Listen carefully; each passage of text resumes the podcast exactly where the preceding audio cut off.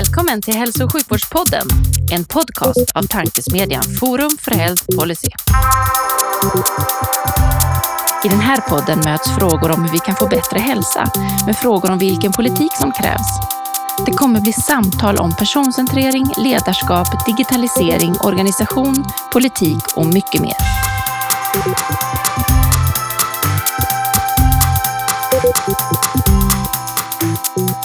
Hej och välkomna till Hälso och sjukvårdspodden från Forum för Health Policy. Forum för Health Policy är en oberoende tankesmedja som syftar till att driva på innovation och utveckling i hälso och sjukvården och omsorgen. Jag heter Magnus Lejelöw och arbetar till vardags för Läkemedelsindustriföreningen men är även styrelseledamot i Forum för Health Policy. Och vid min sida sitter som vanligt Livia Holm, också styrelseledamot i Forum för Health Policy men till vardags policychef på Kry. I den här podden brukar jag i de flesta fall diskutera med personer som är djupt insyltade i svensk hälso och sjukvård. Eh, idag sitter vi med Christian Danielsson, chef för svenska representationen för EU-kommissionen. Det kommer således bli ett minst lika spännande samtal eh, som vanligt, men vi kommer diskutera frågor som rör såväl sjukvård som politik och europeiskt perspektiv. Varmt välkommen till podden! Tack så mycket, Magnus. Eh, vi börjar som vanligt podden med en faktaruta där poängen är att få olika perspektiv på samma frågor. Och idag utgår jag från att det blir kanske ett lite annorlunda perspektiv. Eh, vilket tycker du är det bästa sjukvårdssystemet i världen och varför? Nu har jag ju levt 28 år i Belgien och haft eh, glädjen faktiskt av att och ta del av det sjukvårdssystemet. Så att min erfarenhet är att det är det bästa sjukvårdssystemet som jag har upplevt. Ja, bra. Det är ju också härligt när det system man själv lever i är det bästa, för då, då är man nöjd med vården. Vad, ja. vad, vad, är det som gör att, det, att du tycker det belgiska är bra? Jo, men det, är att det var dels, det är, ska jag säga, det är tillgängligt. Det bygger på ett husläkarsystem. De har, eh, har jag intryck av, eh, väldigt många sjukhus. Som, eh, så det är också tillgänglighet att snabbt få vård. Köerna är inte långa. Mm. och, och sen är kvaliteten på vården, min erfarenhet, väldigt god. Mm. Ja, det är inte så stora avstånd tänker man. För... Nej, de bor ju tätt så att det är lättare att hantera än om vi tänker oss i norra delen av Sverige. Ja. ja, bra. Direkt på det. Direkt på det. Och där nämnde du eh, direkt tillgänglighet och närhet till vård. Vår andra fråga i faktarutan, det är vilka är de tre bästa parametrarna att mäta och utvärdera i vården? Och varför? De kanske väl, rankar in där. Ja, alltså det, tillgänglighet är ju en viktig parameter. Mm. Eh, att du får vården och att du får den relativt snabbt också. Eller snabbt är det man helst vill. Närheten är väl kopplad till det. Men det är klart att i länder där det är avstånd så är det avstånd. Men det är klart, min erfarenhet är att närheten var väldigt var, var betydelsefull. Och sen är det kvaliteten. Alltså att du har en känsla av att du går in på ett sjukhus eller du möter en läkare och de vill inte bara intryck av att vara professionella utan de är professionella. Mm. Mm. Har du några eh, tips på vad som är viktiga parametrar i kvalitetsarbetet? Alltså där, det, det, jag är ju inte specialist på det där området men jag, jag utgår ifrån att det, att det är, om vi tar en husläkare, att det är en husläkare som löpande uppdaterar sin kunskap. Mm. Att eh, husläkaren har eh, nära kontakt med specialister som eh, när man kan remittera snabbt till. Nu talar jag utifrån egen mm. erfarenhet. Och att när man kommer in på sjukhusen, sjukhusen har, eller förefaller att ha modern utrustning och har kvalitet på det. Mm. Mm. Ja, det är bra. Det är ju både ett eh, liksom, belyst perspektiv men också ett patientperspektiv i sammanhanget. För, och det är också viktigt att se vad är det man vill att vården ska ha. Vad, vad, vad, vad tycker man är det viktigaste när man kommer till vården också? Jo, men det här är ju en, det är ju en oerhört viktig tjänst för, för oss i det dagliga livet. Alltså, vi, måste ju, vi måste ju kunna känna att när vi blir sjuka så finns det en, en, en vårdstruktur som, som eh, hjälper oss att komma tillbaka. Så det är klart att det här är, det är av stor betydelse. Mm.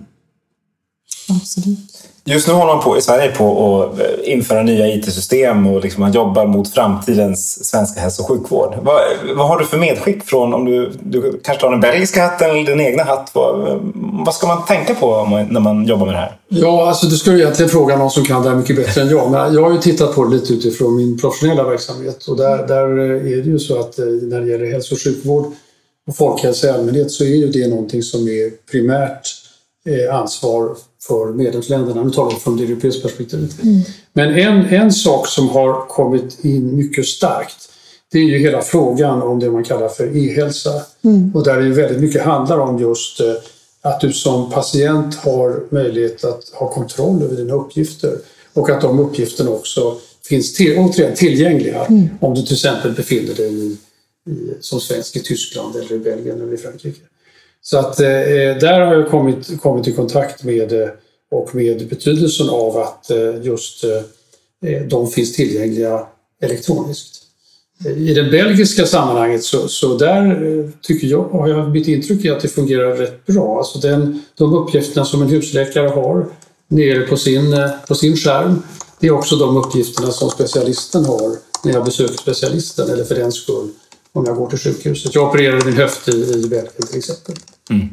Ja, för så är det när man som, som, eh, som patient i Europa så förväntar man sig att, att informationen ska finnas där.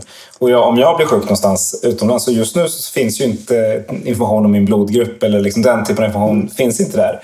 Nej, det är ändå liksom, dit vill man nå. Har du, Absolut. utifrån din professionella roll, har du, jobbas det på att lösa de här knutarna? Ja, det här ligger i korten. Alltså det här är en, en viktig del i, i ambitionerna på hälsoområdet. Men återigen, det här är någonting som är medlemsländernas kompetens, som vi säger i EU-sammanhang. Mm. Så att det, här inte, det går inte att peka med hela handen från Bryssel och säga så här ska vi göra, utan det här är någonting som måste växa fram i ett samarbete mellan medlemsländerna, att de känner sig bekväma med att dela på data på det sättet och informationen på det sättet. Men, men det pågår arbete om detta och eh, är det ganska långt framskridet. Jag var just i, i förra veckan så, så var jag med på ett seminarium som handlade om eh, en, eh, en handlingsplan emot cancer som, som EU-kommissionen la fram. Och där var en viktig del i det datautbytet patientdatautbytet mellan eh, länder, eller för den skull inom länder, för att se till att cancervården håller kvalitet genom inom hela, inom hela EU-området. Och där är just det här utbytet av avgörande betydelse. Mm. Och jag tittade på forskningsprojekt som pågår, jag tror det är några på Karolinska, så just det är på EU-nivå, eh, och där det också handlar om utbyte av data. Mm det är en het fråga kan man säga. Vi, vi kommer komma tillbaka till den. Det ska bli intressant att se perspektiven här på vad som görs i länderna och vad som görs i Europa. För det känns som att vi kommer att, att tangera den gränsen några gånger här. Men ska ja, vi, ska vi och lite sen framåt också, men det kan vi ta senare. Men, men din bild av hur involverat Sverige är i det där arbetet och, och hur nära föreliggande det är att vi vi är delaktiga. För jag tänker att eh, här nationellt i Sverige så kämpar vi ju med att få till det bara mellan våra egna regioner så att säga. Så att få till det här på EU-nivå känns ju som ett enormt eh, uppdrag som jag gärna hör lite mer om eh, framöver. Eh, sista frågan i faktarutan bara innan vi går vidare. Då brukar vi fråga om din finaste patientanekdot och då är det ju ofta så att vi har personer som har haft en lång karriär i sjukvården så bakåt. Men du kanske har Eh, någon personlig eh, erfarenhet eller någonting du har hört om som du ja, vill dela med dig av? Min karriär i sjukvården är ju begränsad, så där kan jag inte säga så mycket. Men eh, det var ju min bästa panik, eller patientanekdot. Panik sa jag. Och det hänger samman med att jag omedelbart kopplade till mina, mina erfarenheter. Jag har lite hypokondrier, så att, mm. lite, lite av det. Men jag, hade, jag opererade min, min höft i Belgien. Och, och där trodde jag ju då i min okunskap att jag skulle ligga där i eh, sängen någon dag eller två eh, och, inte, och få morfin och känna mig någorlunda eh, sådär. Men, eh, men där kastade de upp mig direkt. Och så skulle jag upp då och släppa mig runt i korridoren. Och då mötte jag en annan patient som var en, en kvinna. Och eh, hon hade då varit där några dagar längre. Och hon sa att hon var nu i så god form så hon skulle kunna gå tillbaka till drivbänkarna, vet du vad det är? Där man odlar grönsaker, som hon hade bakom sitt hus. Och snart skulle hon kunna stå där och riva igen. Och det där, det där gav mig ganska god moral då eftersom jag, jag hade rätt ont när jag släpade mig runt. Att, eh, det skulle nog gå ganska fort att komma, på, komma, komma tillbaka på fötter. Mm. Men det var lite chockartat att eh, drivas upp ur sängen så snabbt efter operationen. Ja, och det är ju en förändring som har hänt i hälso och sjukvården. Man går mycket mer mot att aktivera sig tidigt. Så det, just det, jag tror just det kan man se på förlossningsdelen redan där. Att och du... den har inte jag varit med Nej, precis. Men bara för att ta ett exempel som många kan relatera till. vi, vi kastar oss från faktarutan och, och ger oss in eh, i det andra landskapet utanför. Vad, vad är din roll idag? Idag är jag då chef för EU-kommissionens kontor här i Stockholm. Och vi fungerar ju dels som en, som en ambassad i meningen att eh, förenkla kontakterna mellan kommissionen och eh, Sveriges regering och svenska myndigheter. Så det är ett av uppdragen. Och sen har vi ett, ett stort och viktigt uppdrag att informera om Europa, delta i den här typen av poddar, mm. eh, vara med i debatter, ordna seminarier. Jag skriver ett nyhetsbrev varje, varje vecka. Eh, och just nu har det varit lite sämre med att komma runt i landet, men det handlar också om att komma runt mycket i Sverige. Och vi har, inte kontor, men vi har satelliter som kallas för Europa Direkt ute i landet, jag tror sammanlagt är det 13 eller 14, som har, som har det här uppdraget också som vi jobbar väldigt nära med. Det är alltifrån eh, bibliotek till, eh, till frivilligorganisationer som tar på sig den här, den här, den här rollen. Hur, hur tycker du medvetenheten är runt om i landet? Jag vet ju, jag har inte varit runt så att jag vet inte. Jag kom, alltså jag kom tillbaka hit eh, från Bryssel. Hit, jag kom hem till Sverige från Bryssel i eh, mitten av september.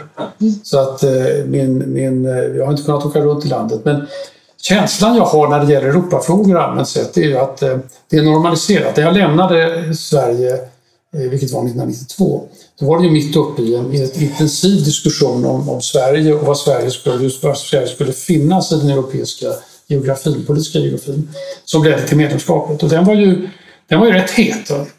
Eh, nu tycker jag det verkar som det är normaliserat. Det är inget politiskt parti som anser att vi ska lämna. Eh, vad jag ibland är lite sådär tänker jag att det kanske vore bra om vi hade lite mer diskussion. Vad vill vi? Mm. Vad vill vi med hälsounionen till exempel? Mm. Vad vill vi med, med eh, vad vill vi lite mer konkret med det digitala? Vad vill vi? Och där är det ju olika uppfattningar naturligtvis. Mm. Absolut. Och ska alltså vara. Ja. Hur hamnade du där då? Vad, vad gör man för att bli, bli chef för EU-kommissionen? jag, har jobbat i, jag har jobbat i Bryssel i 28 år. Ja. Att, eh, och där jag började jag då arbeta för UD och sen har jag arbetat eh, för Anita Gradin som var en svensk handelsminister som blev den första kommissionären. Och sen har jag gått lite fram och tillbaka. Jag var Sveriges EU-ambassadör under perioden 2008-2010. Vi hade ett svenskt ordförandeskap 2009.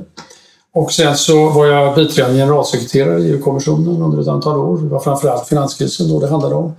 Och sen har jag varit generaldirektör för ett av de större generaldirektoraten i EU under de senaste sju åren. Och det, det var det generaldirektoratet som är ansvarig för relationerna med grannländerna, alltså från Vitryssland till Marocko. Mm. Så att om du tänker dig, om ni tänker er eh, Libyen, Eh, tra traumat i Syrien, mm. relationerna med Turkiet, västra Balkan, Ukraina. Det höll jag på under de senaste 20 åren.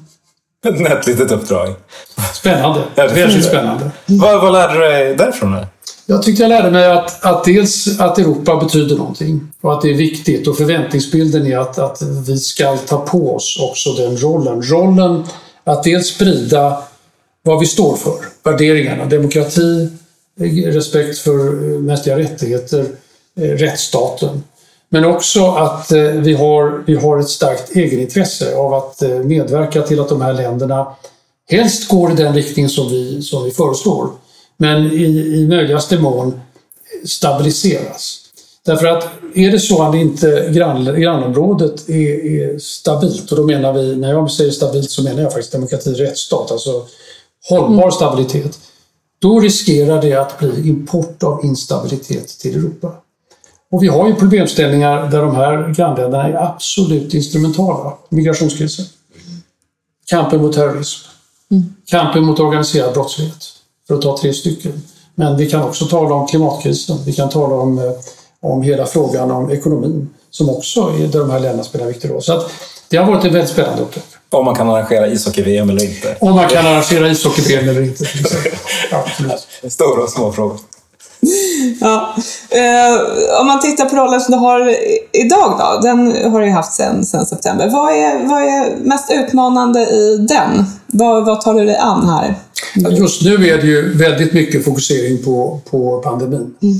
Och att informera om pandemin, inte om pandemin i sig, men också vad, utan vad, vad som görs gemensamt. Så det har varit en hel del, en hel del arbete i det. Sen är det ju också det andra som vi tar och ägnar mycket tid åt, det är hela frågan om den gröna omställningen. Alltså Europa är ju idag mest ambitiösa regionen i världen när det gäller eh, vad vi vill nå. Mm. Eh, vart vi vill nå med nedskärningar 55% 2030 och klimatneutralitet 2050. Och det, det, det, går ju lätt att säga, men konkret betyder det sen att eh, det måste ställas om. Eh, och där handlar det om EU-regler, där handlar det om investeringar. Eh, så det har varit väldigt mycket om det. Vi tittar också mycket på den digitala omställningen. Och där just nu har det kommit, vi såg ju väldigt tydligt en aspekt av den digitala verkligheten i hela frågan om plattformars ansvar. Mm. Tänker på det som hände i Amerika den 6 januari. Mm. Men också konkurrensfrågor i det sammanhanget. Rättsstaten. mycket diskussion om rättsstaten och hur rättsstaten ska fungera, i synnerhet eftersom det finns två länder i Europa som, där det råder tveksamhet i, i, i vissa stycken i det avseendet. Och sen så har det varit, eh, sen så har det varit en hel del eh, också faktiskt hälsa bredare. Jag tror att cancerprogrammet har ju varit ett som vi har just nu haft och, och, eh, och det kommer vi ju fortsatt hålla ett öga på för det är viktigt. Vad, vad är nycklarna i cancerprogrammet tycker du själv? Nycklarna i cancerprogrammet är att eh, Ja, alltså ansatsen, om jag förstår det, här kan ni ju bättre än jag, men eh, det är alldeles klart att cancer är en, en, en åkomma, en sjukdom som, eh, som är nummer två när det gäller eh, dödsfall som människor avlider av efter hjärt och kärl. Och i Europa är det så det en miljon om året tror jag det är. Och jag tror att det är 3,6 miljoner som får diagnosen cancer varje år. Eh, samtidigt så är det, väl, är det väldigt tydligt att om vi inte vidtar rätt kraftfulla åtgärder så kommer det se ändå värre ut om tio år. Så att, mm. det är utmaningen. Och vad det här programmet handlar om det är att eh, ta ett väldigt holistiskt ansats. Mm. Så titta på hela bilden, inte bara på sjukvården i sig utan titta på vad kan vi göra för preventiva åtgärder. Och där är det mycket handlar om livshållning. Det handlar om tobak, det handlar om sprit, för att ta två exempel. Mm. Eh, sen titta på hela frågan om, eh, om eh, eh att, att, identifiera cancer eh, och hur man kan screena bättre. Eh, få en mer uthållig och mer omfattande screening av de, av de patientgrupper som är särskilt utsatta. Ett tredje element är själva diagnosen och behandlingen. Och där är väldigt mycket återigen handlar om data. Det handlar också om att sätta upp, och det tycker jag var en spännande bit, sätta upp eh, center för, cancer, för cancerhantering, för cancerbehandling som har kompetensen för det är ett problem i Europa idag att vissa länder har det, Sverige till exempel, men andra länder har det inte. Och att de här sen kan kommunicera. Mm. Så att vi lär oss av varandra. Så hela, hela det arbetet är, är utomordentligt viktigt. Och sen så inte minst eh, när man då har fått cancer eller för den skulle ha kommit ut ur en cancerbehandling, att man får ett värdigt liv. Mm. Att det inte bara handlar om att leva längre utan det handlar om att kunna leva längre värdigt. Mm. Så att på alla de elementen, och där innefattar då den här, den här planen ett holistiskt som jag sa, så det är allt ifrån digital till forskning till det konkreta hälsoinriktade programmet, till mm. kunskap inte minst och mm. utbildning av kunskap. Och med ett antal konkreta åtgärder som man föreslår att medlemsländerna då ska inrikta sig på. Och vad från EUs sida som kommer konkret det här uttryck i då är att det blir, en, det blir ett underlag för en diskussion mellan medlemsländerna. Mm. Och förhoppningen är att medlemsländerna då kommer att inspireras av det här och göra det till del av deras eget programverksamhet. Och där var det intressant med Cancerfonden som just tyckte att det här var väldigt bra. De har varit med och tagit fram det för övrigt. Och sen på EU-sidan så blir det mycket också blir det mycket fokusering på forskningen. Mm. Eh, där det läggs ner en hel del resurser på cancerforskning. Så där har du bilden någorlunda. Mm. Vad spännande. Ja, för det, vi tänkte djupdyka lite i just relationen vad, vad, EU kan göra och vad man gör i länderna. Så för sjukvård är ju, är ju generellt en landsfråga. Eh, men, men vad, vad, tänker du, vad tänker du att EU kan bidra med? Det här är ju ett väldigt bra exempel på vad man kan bidra med. Vad tänker du i övrigt? Att... Jo, jag tror det är, det är, så, det är ju de här frågorna. Alltså det är de stora, de stora sjukdomarna. Pandemin. Jag menar, om vi tar, tar hela frågan nu om pandemin så är det klart att EU reagerar ungefär som EU brukar göra när det kommer den här typen av chocker. Det första är skräck. Vad är detta? Och sen så blir det då nationella åtgärder som följs av ett antal toppmöten av mer eller mindre hög kvalitet.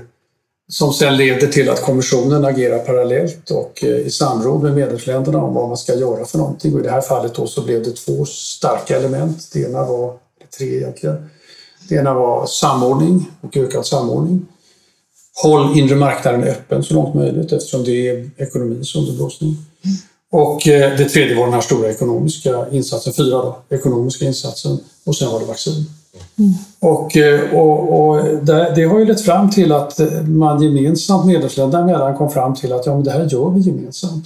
Det är bättre att vi gör upphandlingen gemensamt. Mm.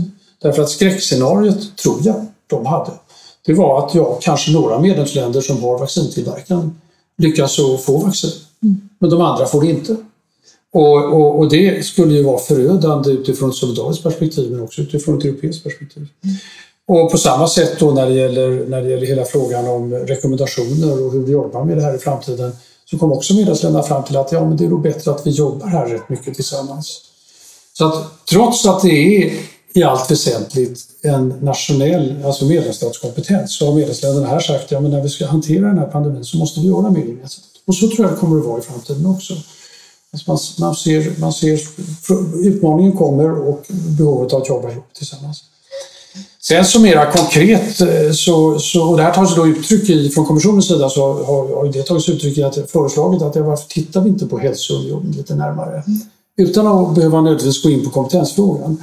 Ska vi inte titta lite på hur vi kan vara bättre redo för den här situationen i framtiden? Och det handlar om allt som till exempel beredskapslagret i Kristinehamn som mm. just nu har faktiskt beslutats, där gemensamma medel då bekostar det. Till eh, att titta på hur ska ECDC, alltså det här Folkhälsoinstitutet som ligger här i Stockholm, hur ska det Folkhälsoinstitutet i framtiden vid nästa pandemi, ska de inte ha lite lättare att få tag i data? Idag är de helt beroende av nationell data som dessutom varierar. Mm. Ska de kunna ge lite starkare rekommendationer som gäller för alla eller så att inte alla springer i olika riktningar om man sen ska försöka samordna det? Den typen av frågeställningar har kommit upp. Ska man inte titta också på hur Läkemedelsmyndigheten tar beslut? Det här är ju en gemensam, återigen så är det ju medlemsländerna tillsammans som gör det och det är väl jättebra men finns det förutsättningar där eftersom det tog lite lång tid kanske? Finns det förutsättningar att se på hur vi kan göra det lite snabbare? Eh, och sen när det också gäller då den här frågan så är det hela läkemedelsfrågan. Alltså hur, hur, det här visar ju att vi måste ha bättre beredskap för att kunna ta fram vaccin. Nu gick det ju på tio månader, men det var ju... Eh, men eh, finns det anledning att titta på dels värdekedjorna för läkemedelsindustrin? Finns det anledning att se på kvalitetssäkringar? Alltså det finns sådana element som vi kanske måste titta på igen. Läkemedelsregleringen helt enkelt. Och ett tredje element är som jag nämnde, den här cancer, cancer, eh, cancerplanen som ett exempel på det man kan göra inom ramen för en sån här hälsounion. Mm. Så att det, har, det rör sig Och sista elementet kanske, det blir mycket det här. Ja, men, det är bra. men ett annat element som jag, där jag också får in det här med hälsa och folkhälsa, det är ju på forskningsområdet.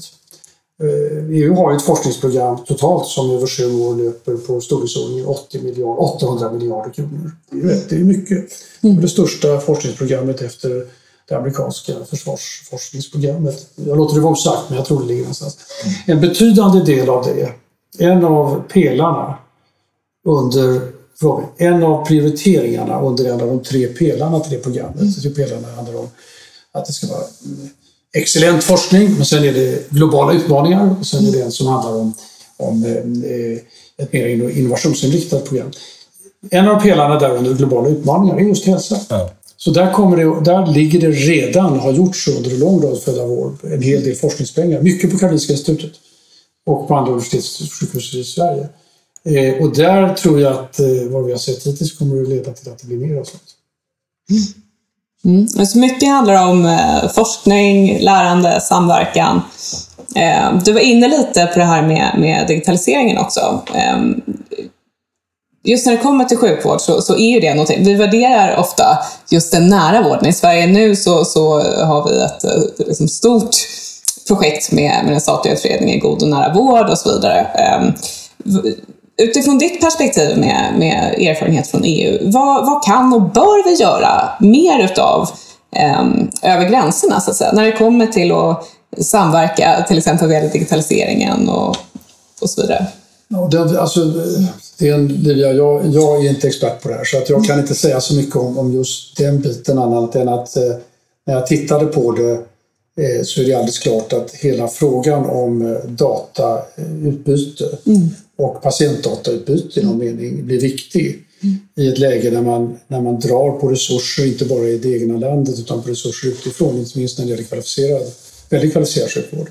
Men en, en aspekt som jag tycker är lite intressant i det här sammanhanget, i det europeiska perspektivet, är cancersamordnaren i Sverige, den nationella cancersamordnaren i Sverige, han var med på det här seminariet som vi hade. Och eh, han pekade på eh, att det faktiskt finns väldigt goda förutsättningar i en europeisk verklighet att se till att specialiseringen sprids utanför det egna hemlandet. Mm.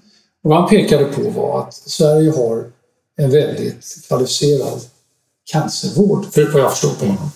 Och frågan han ställde är att om vi nu kan sälja lastbilar, varför kan vi inte se till att den cancervården också kan komma till godo i ett europeiskt perspektiv. Alltså att vården, vårdtjänsten blir en del av en tjänsteexport.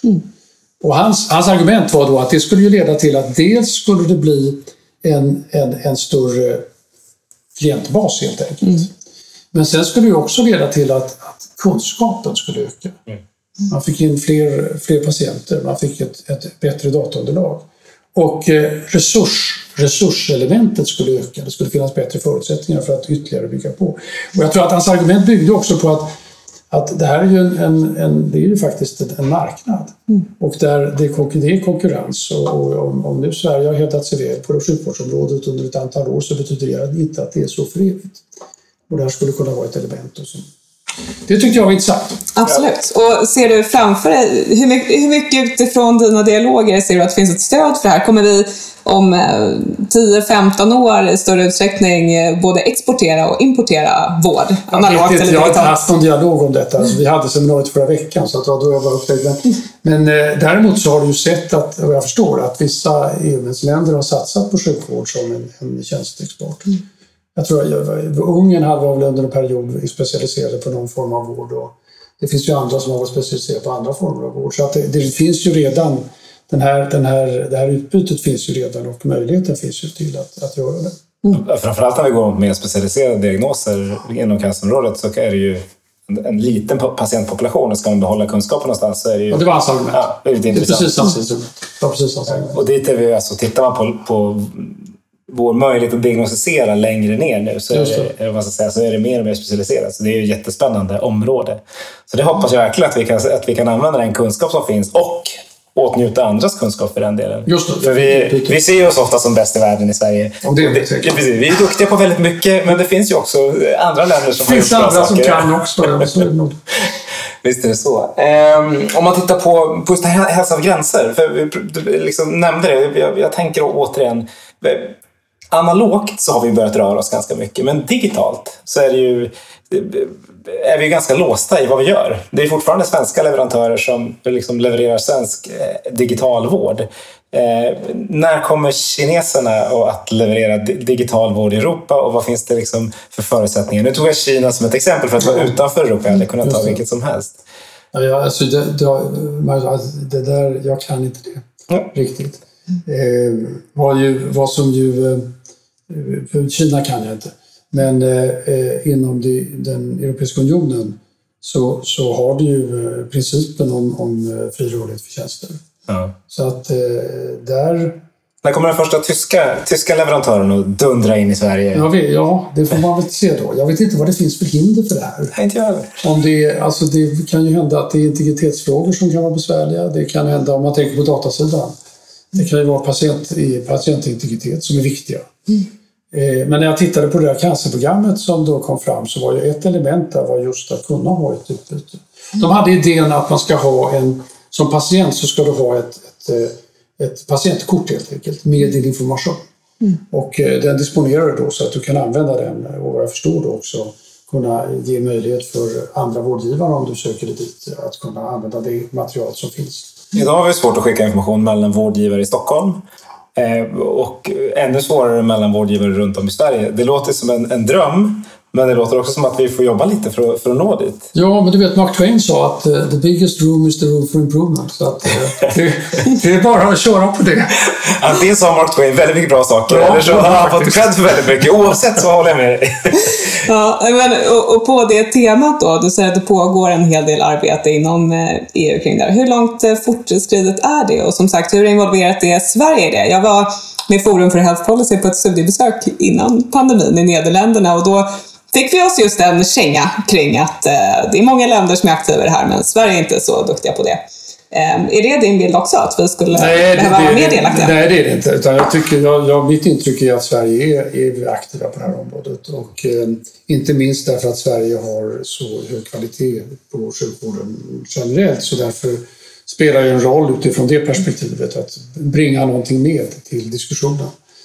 Eh, så jag, det, det intrycket har inte, jag, har inte jag haft. Nu har jag inte följt eh, detaljerna i sjukvårdsdiskussionen hur den går. Däremot är det så att, att jag tror att en effekt, om vi går tillbaka igen till pandemin, så tror jag en effekt av pandemin det är nog att, eh, att bland medlemsländerna nu pågår en reflektion om vad, vad vill vi göra i ett europeiskt perspektiv i framtiden. Och det är en hel del saker som ju var otänkbart innan pandemin görs idag. Alltså att du har det här väldigt nära utbytet mellan de som är ansvariga för vård i, i, i medlemsländerna och diskutera, i det här fallet då pandemin och vilka mått och steg man tar. Den typen av utbyte eh, har, har inte funnits på samma sätt tidigare. Jag kan tänka mig att det där kommer nog kunna sprida sig till andra områden också inom, som är relevanta för sjukvården. Jag håller alla tummarna för det. Det låter som... Det, det är ju det, vi måste nyttja det som blir bra, ja. eller det som ja. vi lärde oss under pandemin. Ja. Det var en massa saker som inte är bra och det är Ja, klart, precis. det ska vi också lära oss av. Men samverkansdelen och öppenheten är Och det finns ett annat element här som kommer att spela in tror jag. Och det är att, ja, dels är det ju att, att det här är en pandemi och förhoppningsvis kommer vi ut ur den inom inte allt för lång, snar, lång framtid. Eh, men sannolikt, jag såg på Gates, ett av hans TED-övningar häromdagen och, och det är ju inte så att det här är den enda pandemin utan det sannolika är väl att vi får vara beredskap för nya pandemier i framtiden. Så att där har du ett skäl till att komma samman, fundera på vad betyder det för oss, hur ska vi, vara, hur ska vi gemensamt vara, sitta, göra det här bättre nästa gång. Sen har du Världshälsoorganisationen där ju det också finns ett starkt intresse av att, att jobba tillsammans. Och där ju EU har spelat en väldigt viktig roll nu under pandemiarbetet i att eh, sätta upp Covax, alltså den här, den här faciliteten för att se till att också andra delar av världen får tillgång till vaccin. Och jag tror också den erfarenheten och hela reformen av EU som är påkallat, väldigt klart. Så det är ett, ett andra element. Ett tredje element är samarbetet med USA. Alltså amerikanarna har ju covid just nu som en absolut prioritet. Och eh, bara av min egen erfarenhet med internationellt samarbete så tror jag att det finns all anledning att tro att det här kommer bli en, en, ett viktigt element i, i den transatlantiska dialogen. Och där kommer det nog både handla om hur man ska agera i, i samband med eh, pandemier i framtiden men också säkert kommer sådana frågor som vi har diskuterat om, om integritet, om data, om patientdata. För amerikanerna har ju också en sjukvårdssektor som är rätt kvalificerad. om vi säger så. Absolut. Vi hade Björn Eriksson här för några veckor sedan, hälso och sjukvårdsdirektör i Stockholm. Han sa att andra vågen nu i pandemin känns mycket bättre för alla är förberedda på ett helt annat sätt. Hur är känslan från, från, med din europeiska hatt? Hade vi lärt oss av första delen av pandemin så att vi liksom, så att nu när det... När det Det varierar nog, alltså varierar nog mellan länder. Jag tror att för, så var det säkert för flera länder, men du vet, flera länder var i sitsen att de hade haft en väldigt bra situation. Ta, ta Portugal till exempel. Och sen kommer de in i en, en dramatisk försämring. Så där måste det nog ha känts, eh, kanske inte så att eh, ja, men det här känns ändå bättre än den första, utan tvärtom så var den andra mycket värre. Och så var det väl för, för en del andra länder också. Men annars är det nog så som du säger. Jag tror inbillar mig att i Italien så har de ju trots höga tal, relativt höga tal så har de klarat det betydligt bättre än de gjorde under första vågen. Så det är väl ungefär samma erfarenhet. Och, och samverkan, känns samverkan Samverkan har ju fungerat mycket bättre. Absolut. Och även om det då stängs gränser, vilket jag själv tycker är olyckligt. Men eh, det finns ju politiska skäl och även kanske också sakliga skäl till det. eh, Så har det ju gjorts på ett sätt som i, i, i stora delar har värnat för de här att, att varor kan, kan röra sig. Därför att vårt välstånd är idag uppbyggt på att eh, Volkswagen får eh, komponenterna och att de inte ligger i ett lager i åtta månader innan de används. Så att hela det systemet måste ju fortsätta fungera även i en, i en situation som lockdown eller, eller, eller eh, de, de åtgärder som har vidtagits. Nu är vi fortfarande mitt inne i, i pandemin, får man, väl, får man väl ändå säga. Eh, men finns det några lärdomar, tror du, som, som vi har fått med oss hittills och som vi kommer ta med oss eh, från ett EU-perspektiv framöver vad gäller hur vi organiserar hälso och sjukvården eh, mellan länderna, så att säga? Eh, ser du att det, det kommer förändra på något sätt hur framtidens hälso och sjukvård över gränser ser ut? Baserat på erfarenheterna under det senaste året. Här. Ja, den frågan ska du egentligen ställa till någon som är mycket kunnigare på det området än vad jag är. Men nu har vi chansen att ha dig här. Ja, så du vi chansar. du chansar på mig, ja, det är bra. Jag kan säga precis vad som helst då. Nej, men, men eh, alltså jag kan inte, jag kan inte själva vårdsystemen och hur de kommunicerar i detalj. Men jag utgår ifrån att det förhållandet att alla drabbats av en pandemi samtidigt och att de har haft ett väldigt hög grad av utbyte sinsemellan också får konsekvenser för hur man lärdomar i hur, hur, hur systemen ska utformas i framtiden. Däremot tror jag att det som, det som är ju, har ju kommit eh, väldigt tydligt tror jag för, för eh, som ett resultat av pandemin, det är att eh, på en rad strategiska områden så är det klokt att jobba tillsammans. Mm. Och där, där handlar det om, om skyddsutrustningen. Mm. Där handlar det om läkemedel och mening. Det handlar om vaccin naturligtvis. Eh, och det tror jag, den, den erfarenheten, den, den är jag rätt övertygad om kommer att, eh, kommer att vara, vara viktig för hur det europeiska samarbetet i framtiden kommer att gestalta sig på, på det här området. Mm. Och tror du att det kommer vara eh, pandemiberedskapsspecifikt eller tror du att eh, de här insikterna kring vikten av samverkan kommer också förstärka det mer ordinarie arbetet inom vårdsektorn? Ja, alltså det, där får vi ju se. Va? Därför att samtidigt är ju realiteten den att det här är i hög grad skattefinansierat. Det är någonting som är nationellt. Det är systemen är nationella. Så att det, jag tror att entusiasmen för att försöka gå i någon riktning av ett eh, europeiskt sjukvårdssystem i bredare bemärkelse, det tror jag är rätt begränsat. Och det är då på goda, väldigt goda grunder. Men eh, just när det gäller pandemifrågan eller beredskapsfrågan, där tror jag definitivt att det finns. Och där har vi redan sett det just i det här exemplet, det här beredskapslagret i Kristinehamn. Eh, för att ta ett exempel. Och eh, det här förslaget som kommissionen kommer med, Ursula von der Leyen, hon är ju läkare. Ursula von der Leyen kommer med, har kommit med nämligen att vi ska sätta upp en, en särskild myndighet som ska titta på bio, den biomedicinska delen eller utmaningarna som ligger där. Det är väl också klokt så att man får en, en, en grund, en gemensam grund. Och sen är det det som jag nämnde, nämligen att lärdomen är ju vad är det som vi kunna, skulle kunnat göra bättre? Eh, och när vi då tittar på pandemin och hur det har gått så först tycker jag man ska ta det som gjordes bra. Eh, upphandlingen i sig är bra. Sen att det tog tid, det hänger samman med bland annat att det är medlemskapskompetens. Så det är ingenting som beslutas i Bryssel utan det måste varje land ytterst ha sitt medord i laget och det tar sin tid. Jag tror att det, det i, grunden, i grunden så var hela strategin rätt i att man såg till att det kom ett vaccin till alla samtidigt. Vad, vad lärdomen som man kan dra av det som har hänt, det är väl ett par grejer. En är ju att ja, det tog lång tid att få, att få eh, godkännandet.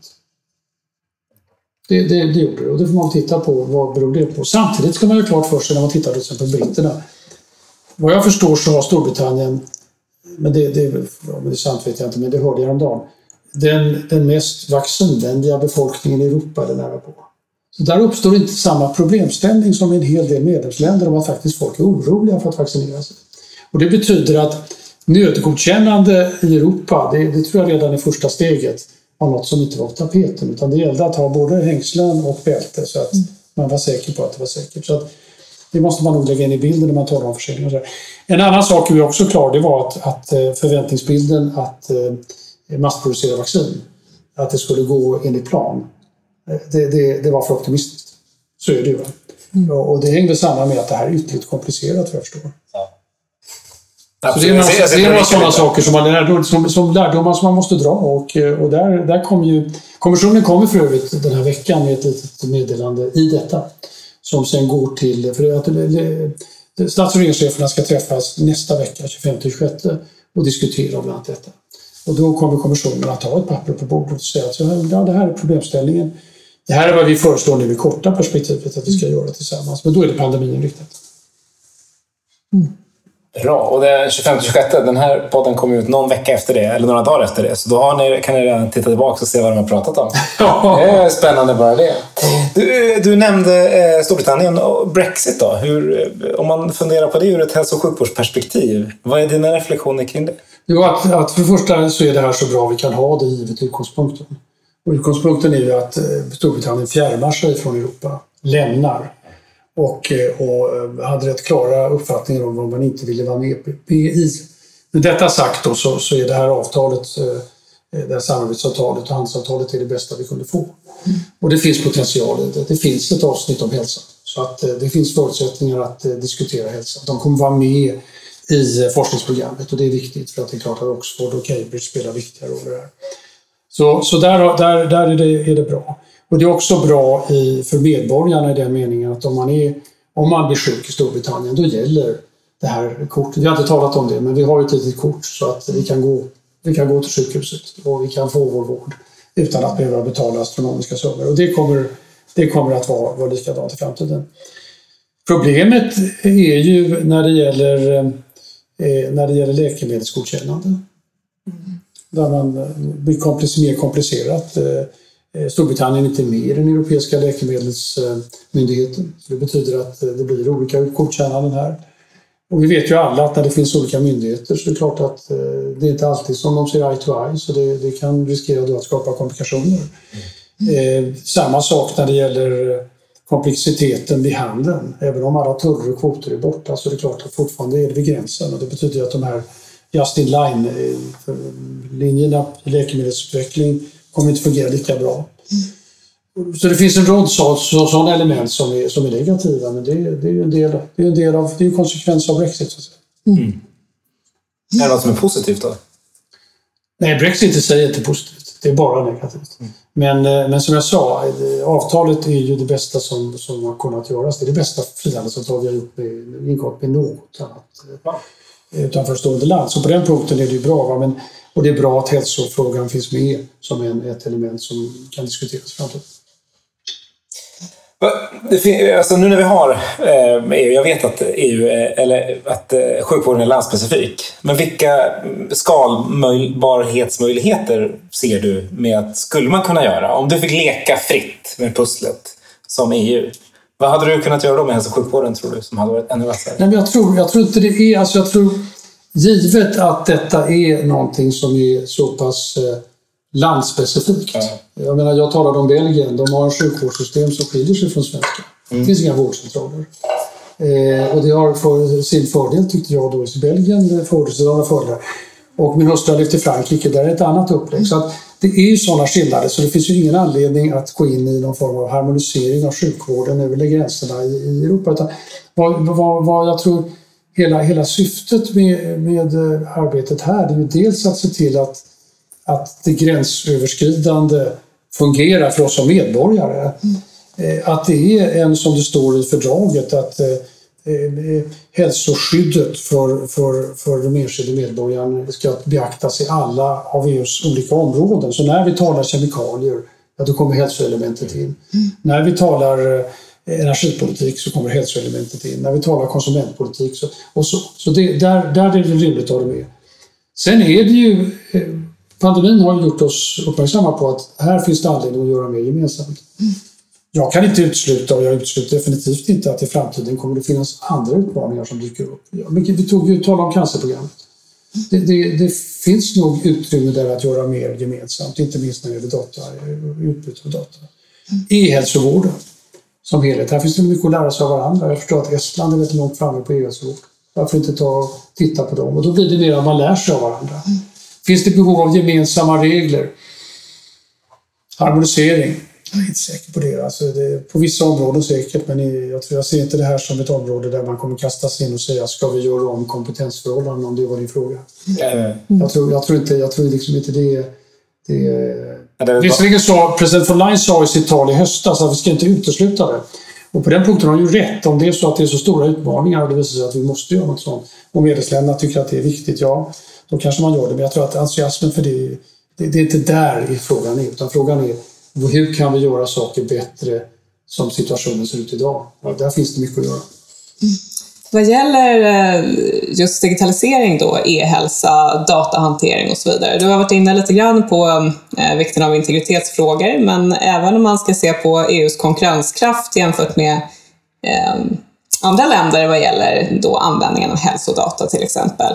Eh, liksom när du från ett EU-perspektiv funderar kring digitalisering, vad, vad betyder det för dig ur, ur ett EU-sammanhang? Vad är det vi behöver fokusera på gemensamt? Vad bör fortsätta ske landspecifikt när det gäller just eh, hälsodata och sjukvårdsdata? Ja, det, det, du ger mig en specifik fråga här som är, och återigen, som jag, jag, inte, jag kan inte den i detaljerna, men om vi tar den övergripande bilden. Mm. Eh, Israel fick ju eh, Pfizer väldigt snabbt. Mm. Om jag har förstått det hela rätt så, så berodde ett av skälen till det var att Israel ställde hälsodata till Pfizers förfogande. Vilket ju är bra utifrån ett generellt perspektiv. Det gör att Pfizer är ändå bättre på att eh, utvärdera sina, sin vaccin. och också ställa om det mot motivation när den kommer. Hade det gått i Europa? Sannolikt inte. Sannolikt inte. På grund av integriteten, på grund av dataskyddet som vi har på väldigt goda grunder. Så att eh, eh frågan är ju där och jag tror att den här hela tiden hitta den rätta balanspunkten mellan integritetsaspekten när det gäller data och effektivitetsaspekten när det gäller hälsovård som du är inne på. Mm. Den tror jag man kommer behöva ta ställning till nationellt. Ni sa att regionerna har problemställningar i det här landet. Eh, men också inom ramen för det europeiska samarbetet. Mm. Vad som är alldeles klart är ju att, om vi tar det på det generella planet igen, att data i framtiden kommer vara alldeles avgörande för välstånd. Alltså det handlar inte bara om hälsodata utan det handlar om data i största allmänhet. Industridata som för övrigt räknar, man räknar med kommer växa, alltså bara i storlek eh, väldigt, väldigt kraftigt under de kommande åren. Och där, där måste man ju fundera hela tiden på den här balansen och att samtidigt se till att, eh, att datan kommer ut. Jag tog ett sånt här exempel som, som återigen president von der Leyen tog upp faktiskt. Det är bara från helt annat än hälsovården.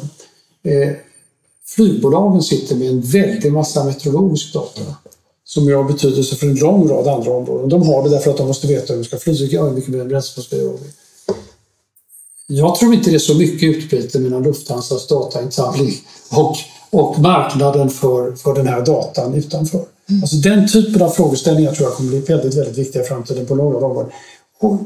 Sannolikt också på hälsovårdsområdet. Mm. Det betyder väl att eh, eh, allt eftersom man går mot mer av e-hälsa, allt eftersom det blir mer av, av eh, vård eller för den skull diagnos som ställs utanför eller för den skull mellan regioner så, så, så blir behovet av att utbyta data eh, på ett säkert sätt och ett förtroendefullt sätt kommer bli viktigt. Mm.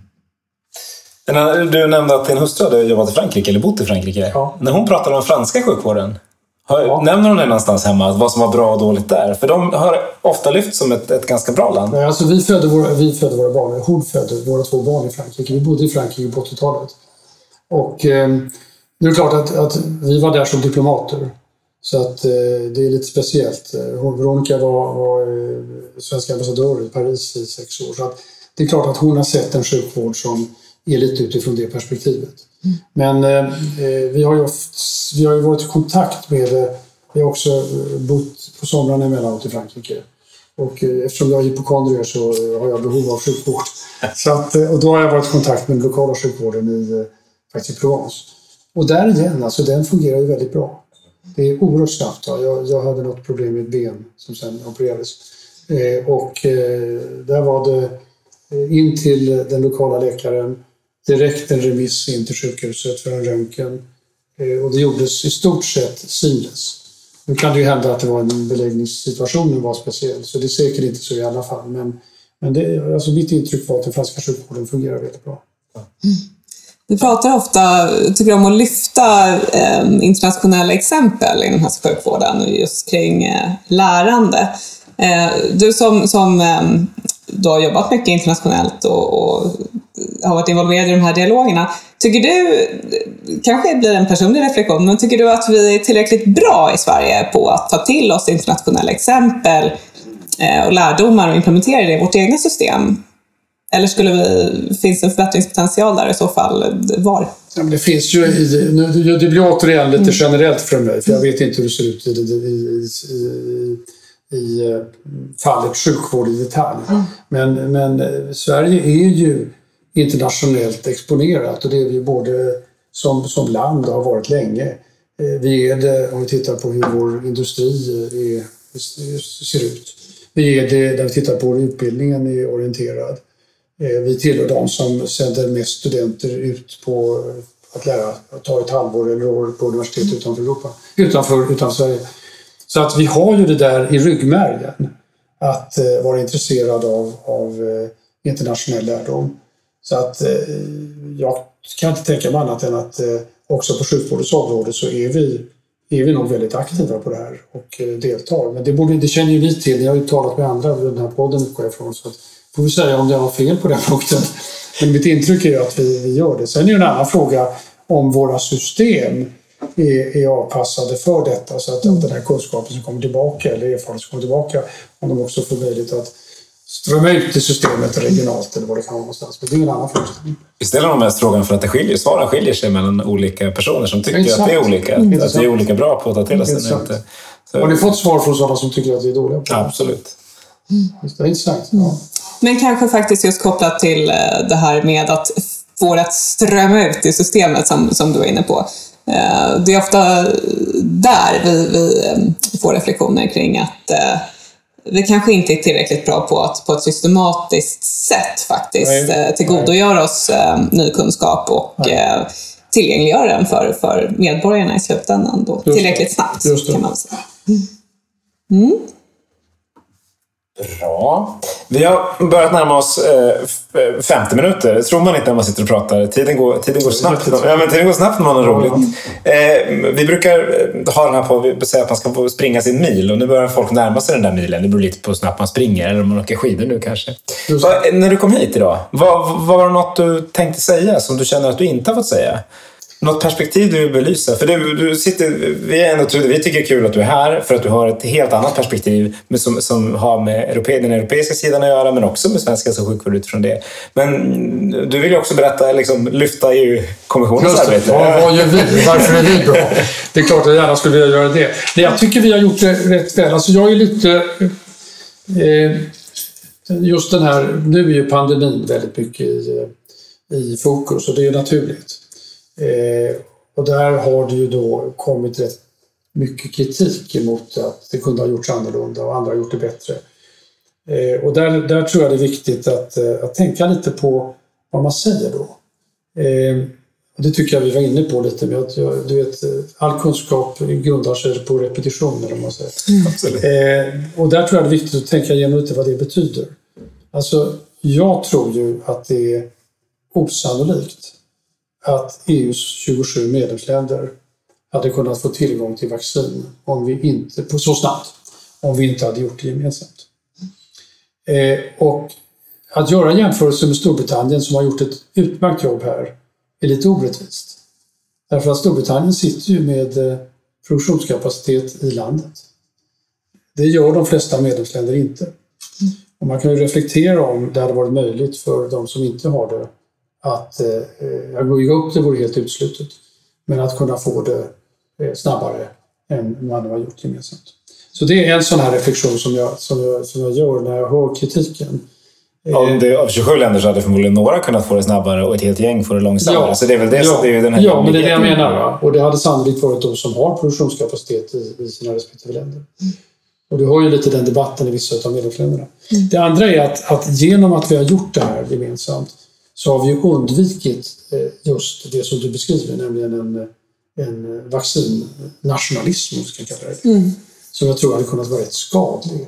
För inte, jag tänker inte på det europeiska samarbetet i grunden, men jag tänker på hur vi lever tillsammans i Europa. Så det är det andra elementet. Det tredje elementet tycker jag är något som vi, missar i hela den här diskussionen. Alltså nu talar vi väldigt mycket om vaccinering i Sverige och det är viktigt. Men pandemin kommer ju inte att kunna hanteras förrän vi har vaccinering i världen. Alltså den globala ansatsen är helt avgörande. Och, eh, och där, där blir, blir, det, blir det verklig solidaritet som det kommer att handla om. Eh, Och, och där tycker jag ändå att eh, det är viktigt i debatten och när vi talar om det att här när vi agerar gemensamt, europeiskt, Team Europe, så, så är, är vi starka och kan driva frågan till exempel till andra som kan hjälpa till och se till att det kommer ut i Afrika eller för den skull Latinamerika. Eh, och det gör vi. Eh, Jag tror att totalt så har EU eh, satsat 890 miljoner euro på just den här solidariteten inom ramen för Comvax, alltså för den globala ansatsen. Och det tycker jag också är någonting som vore bra att kunna komma ut och diskutera i, i hela den här stora pandemidiskussionen som pågår. Precis, men vad, vad bra. Vi ser fram emot vidare diskussioner om pandemin naturligtvis och vad vi kan lära oss där. Men också den här cancer, cancerdiskussionen som ni påbörjade förra veckan. Som då blir om tre veckor när ni lyssnar på det här.